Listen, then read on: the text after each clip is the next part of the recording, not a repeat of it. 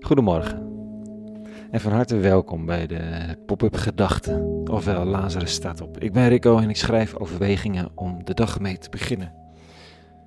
Het is mijn eigen moment van stilte en afweging voordat de dag begint met agenda's en takenlijst. Een moment van schrijven, denken, mediteren, die ik dan graag weer met je deel. Vandaag met de titel: Ik hoef helemaal niet gered te worden. Pop-up gedachte dinsdag 18 augustus 2020.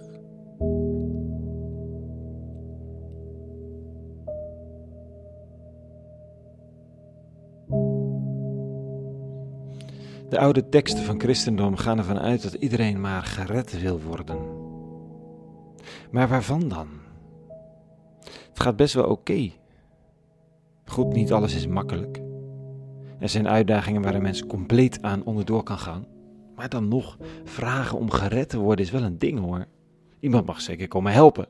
Koffie brengen, eten, uh, een diagnose stellen eventueel als ik langskom voor zoiets. Pillen voorschrijven, helpen met de verhuizing. Nou, en ik zal dan heus zeggen, je hebt me gered, echt. Maar dat betekent nog niet dat ik gered wil worden. Zeker niet door een godheid of een religieus systeem Alsof ik niet zou kunnen. Ik kan het best. Ik heb alleen af en toe een handje nodig. Maar dan wel graag op mijn voorwaarden. Ze redden het niet, al dacht ze van wel. Ze hadden haar naar de camping gebracht waar wij stonden, inmiddels al jaren geleden. Want wij zagen niks geks, hè? gewoon twee mensen op leeftijd die een vrouw van onze leeftijd en haar kind kwam brengen in een camper. Maar zij had er totaal doorheen gezeten na een scheiding, wilde alles zelf oplossen, ging niet. Ze hadden haar in de camper geduwd, bij wijze van spreken, met haar kind. En, en, met haar kind, dat was niet bij wijze van spreken, maar wel het in de camper duwen. En ze had gezegd, we brengen je nu naar de camping. Jij gaat vakantie vieren.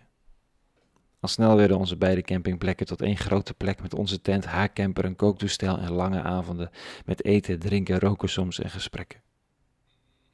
Ze had niet gered willen worden, maar hiermee God was ze dankbaar. Zulke doortastende ouders. Mocht ik eventueel gered willen worden, zoals die oude Bijbelteksten om de derde bladzij lijken te zeggen, waarvan dan? Ik kan wel iets bedenken als ik naar mijn Facebook timeline kijk, en Twitter ook. Er zijn aardig wat bloedzuigende gekkies waar ik graag van verlost zou worden. Ook zuigerige Bijbelteksten met vroom christelijk jargon. Ik vind het niet erg om daarvan gered te worden. Maar goed, ik zou dat ook zelf kunnen doen. Muten, ontvrienden, het is allemaal niet zo heel moeilijk. Ze bestaan dan nog steeds, dat wel.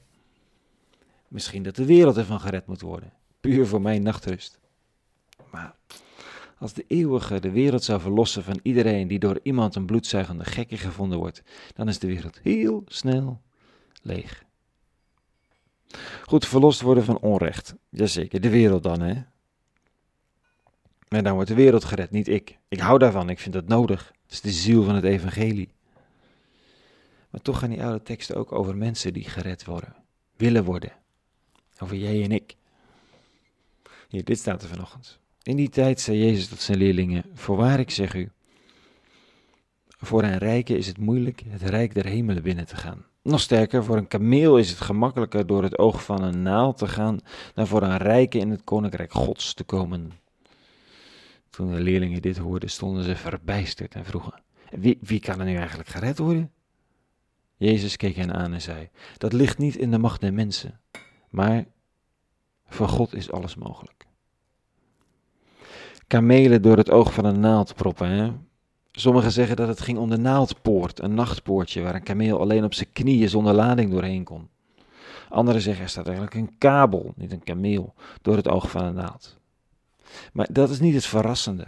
In plaats van arme vissers die knikken naar deze uitspraak en zeggen dat ze heus wel snappen dat vatsige rijken niet gered zullen worden.